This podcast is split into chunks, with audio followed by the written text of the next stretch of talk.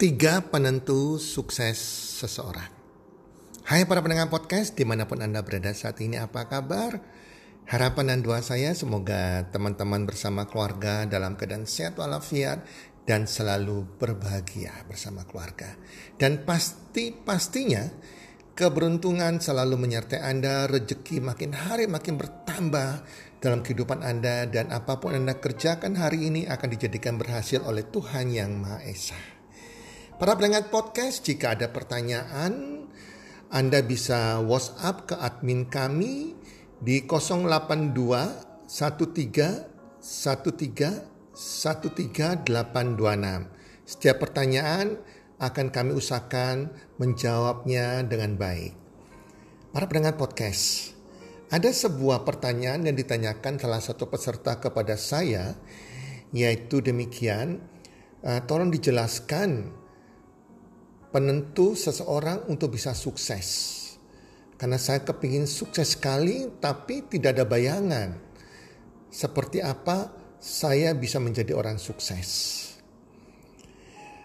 Oke, jadi pertanyaan yang bagus sekali dan saya percaya pertanyaan ini juga pasti ada di setiap pendengar atau setiap orang siapa pun itu.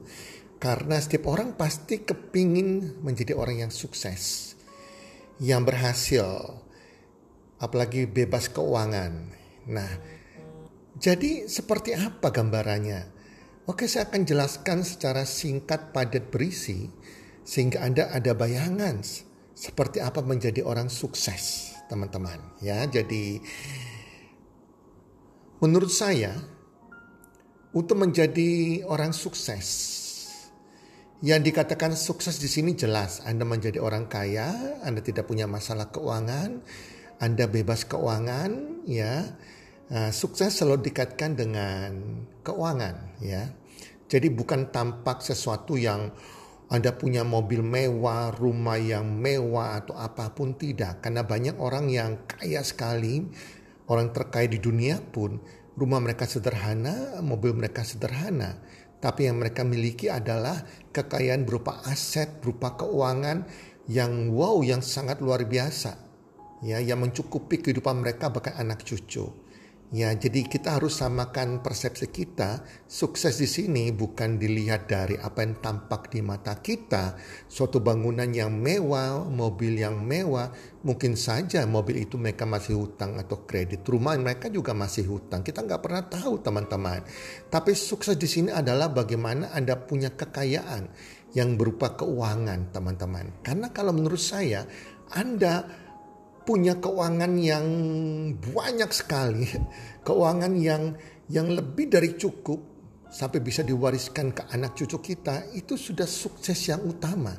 Karena dengan keuangan yang banyak, Anda bisa membeli harta-harta yang lain, teman-teman ya. Jadi kadang hati-hati kita melihat orang sukses kalau hanya berupa yang tampak di mata dia, belum menjamin dia itu sukses teman-teman. Mungkin aja dia hutang, rumahnya masih cicilan, mobilnya juga masih cicilan, ya. Tapi sukses yang sebenarnya yang tidak tampak oleh mata yaitu berupa keuangan dia. Oke teman-teman jelas ya, jadi persepsi kita harus sama tentang sukses yang berkaitan dengan keuangan yang tidak tampak di mata orang-orang sekitar kita. Mungkin saja rumahnya biasa, Para milioner dunia rumahnya biasa, mobilnya biasa, tapi kayaknya minta ampun. Mereka juga jadi berkat bagi banyak orang, punya yayasan sosial dan lain-lain. Oke para pendengar podcast, ada tiga hal utama. Gak banyak-banyak, tiga hal utama saja yang bisa membuat Anda menjadi orang sukses teman-teman. Ya, yang membuat seseorang bisa menjadi sukses, penentu sukses seseorang. Tiga hal itu adalah yang pertama adalah diri Anda sendiri diri Anda sendiri. Jadi sukses itu bukan ditentukan oleh siapa-siapa. Ditentukan di tangan Anda sendiri. Bukan ditentukan oleh orang tuamu. Bukan ditentukan juga oleh coach Anda, ya mentor Anda, guru Anda, dosen Anda. Tapi di tangan Anda sendiri. Ya, jadi bukan di tangan Tuhan. Tuhan sudah pasti merencangkan Anda untuk sukses. Setiap manusia bisa kehidupannya yang baik sampai sukses. Jadi kepala bukan ekor. Tetapi kalau Anda sendiri tidak melakukan bagian dari Anda, untuk sukses, ya tidak mungkin teman-teman Anda bisa sukses walaupun Anda berdoa jungkir balik berdoa dengan tangisan dua puasa tidak mungkin kalau Anda tidak melakukan bagian Anda. Jadi sukses yang utama di tangan Anda sendiri. Di tangan Anda. Apakah Anda punya impian untuk sukses? Itu pertanyaan saya. Kedua, ya, sukses seperti apa yang Anda bayangkan? Harus jelas teman-teman. Itulah sebabnya saya menganjurkan Anda membayangkan sukses bahwa Anda sudah memiliki. Kalau hari ini Anda belum memiliki penghasilan 100 juta per bulan, Anda harus membayangkan tanam di pikiran bawah sadar Anda bahwa sukses saya kalau saya punya penghasilan 100 juta per bulan. Apalagi itu penghasilan pasif. Wow, luar biasa sekali. Kalau Anda sudah punya penghasilan 100 juta per bulan, tingkatkan. Sukses saya kalau saya bisa punya penghasilan 500 juta per bulan. Penghasilan pasif punya deposito sebanyak sekian dan lain-lain. Jelas teman-teman? Ya, jadi ada gambaran sukses di dalam pikiran bawah sadar Anda. Saran saya berkaitan dengan keuangan teman-teman ya. Jadi gak usah pikir yang sukses yang mesti begini, begini, begitu segala macam. Kebanyakan Anda gak bisa fokus. Satu aja, the mother of the dream. Yaitu uang teman-teman. Nah ketiga, di tangan Anda sendiri. Anda udah punya gambaran suksesnya. Apakah anda serius mau sukses, Anda mau action, mau siap membayar harganya untuk sukses tidak? Dengan melakukan etos kerjaan sungguh-sungguh, komitmen yang sungguh-sungguh. Nah ini harus ada. Jangan jadi orang yang punya mental block. Kalau Anda masih punya mental block hari ini, contohnya Anda malas ya. Jadi banyak orang bermimpi besar tapi malas. Tidak punya komitmen ya, tidak punya etos kerja, tidak mau kerja, tidak rajin, tidak mau belajar, tidak mau bayar harganya. Ketakutan-ketakutan yang tidak beralasan, takut menyapa orang, takut menelpon, takut nanti orang itu pikir saya bagaimana. Jadi belum apa-apa Anda sudah berpikir pikiran orang lain. Jadi banyak ketakutan di pikiran Anda yang menjadi mental block Anda. Itu Anda tidak mungkin bisa sukses. Percaya saya. Tukang ramal mana pun. Bahkan Tuhan juga tidak merestui sukses Anda kalau Anda punya mental block. Itulah sebabnya kalau Anda mau sukses, Anda tahu kelemahan Anda punya mental block, Anda harus patahkan mental block itu. Patahkan mental block itu simple sekali. Pertama Anda berdoa, ambil keputusan, Tuhan saya mau patahkan mental block saya. Contohnya mental block Anda adalah takut menyapa orang. Bayangkan menyapa orang ya takut. Menyapa orang di sosial media kenalan aja Anda takut. Itu mental block. Anda katakan mulai hari ini saya berani menyapa orang. Mulai hari ini saya berani menyapa orang di sosial media. Mulai hari ini saya berani menyapa orang di sosial media. Saya berani menyapa orang di DM mereka. Katakan berulang-ulang. Ambil keputusan itu. Dan mengalahkan mental block itu dengan Anda banyak melakukan. Melakukan apa yang Anda takut lakukan. Jika Anda takut menyapa orang, takut mendm orang, Anda lakukan setiap hari DM sebanyak mungkin orang 10, 20, 30. Lama-lama jadi kebiasaan mental block itu kan pergi. Jadi mengalahkan mental block adalah melakukan apa yang Anda takut lakukan yang menjadi mental block Anda itu. Jelas teman-teman ya? Nah sukses yang kedua. Jika Andanya sudah benar nih ya, sudah benar. Kedua adalah apa yang menjadi pekerjaan Anda. Toolnya Anda apa? Alatnya Anda untuk mencari keuangannya apa? Kalau Anda alatnya adalah Anda bekerja jadi pegawai dengan gaji juga pas-pasan UMR dan juga kenaikannya belum tentu naik setiap tahun, tapi kalau dipecat lebih memungkinkan dipecat.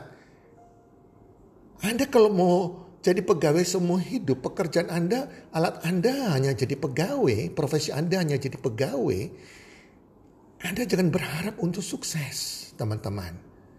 Bagaimana mungkin gaji seorang pegawai yang UMR bisa mendapatkan 100 juta per bulan? Itu nonsens. Mau dihitung berapa banyak pun tidak mungkin teman-teman. Jadi kita harus sadari, kita punya toolnya enggak. Orang sukses yang kedua dia punya alatnya.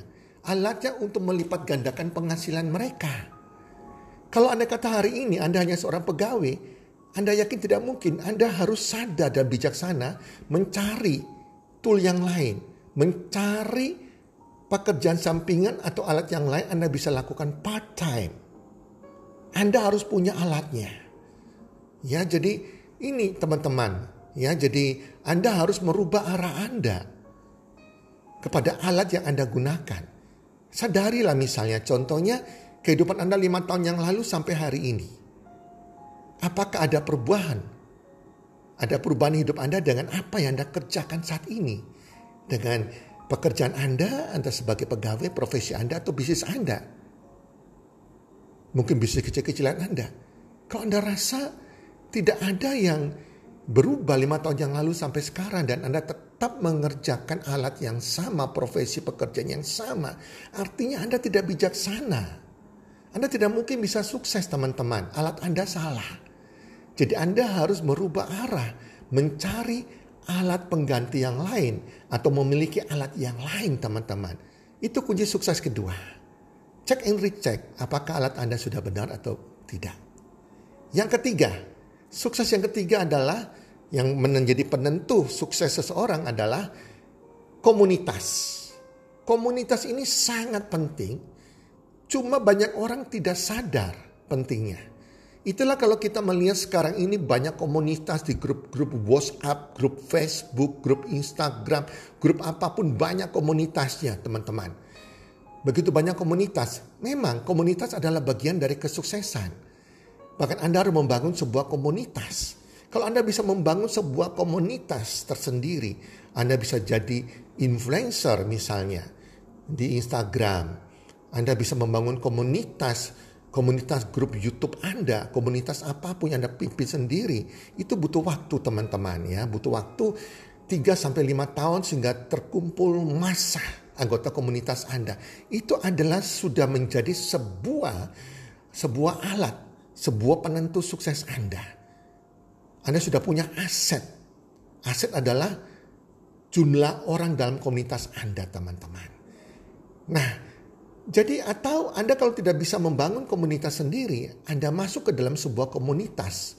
Entah komunitas di YouTube, di Facebook, oh, di WhatsApp, atau di sosial media mana pun. Dan pilih komunitasnya. Komunitas yang bermutu, komunitas yang orang-orangnya berkualitas yang positif teman-teman. Jangan komunitas yang tidak memberikan nilai tambah. Anda buang waktu di sana teman-teman ya. Jadi Anda mau bertumbuh, mau sukses, komunitas adalah penentu Anda juga. Anda membuat komunitas sendiri, Anda pimpin atau Anda bergabung di sebuah komunitas yang positif, yang memberikan nilai tambah bagi kehidupan Anda. Itu tiga hal utama teman-teman ya. Jadi jika Anda punya tiga hal ini, itu Anda pasti menjadi orang yang sukses secara keuangan. Cek and dicek. Mana belum Anda miliki? Ayo, Anda miliki sama-sama. Punya goal untuk memiliki hal tersebut. Itulah teman-teman para pendengar podcast. Tiga penentu sukses seseorang. Semoga para pendengar podcast semuanya ya yang mendengarkan podcast saya, yang menjadi pelanggan podcast kami, yang mencintai podcast kami, Anda semua menjadi orang yang sukses. Semoga bermanfaat dan salam sukses. One, two, three.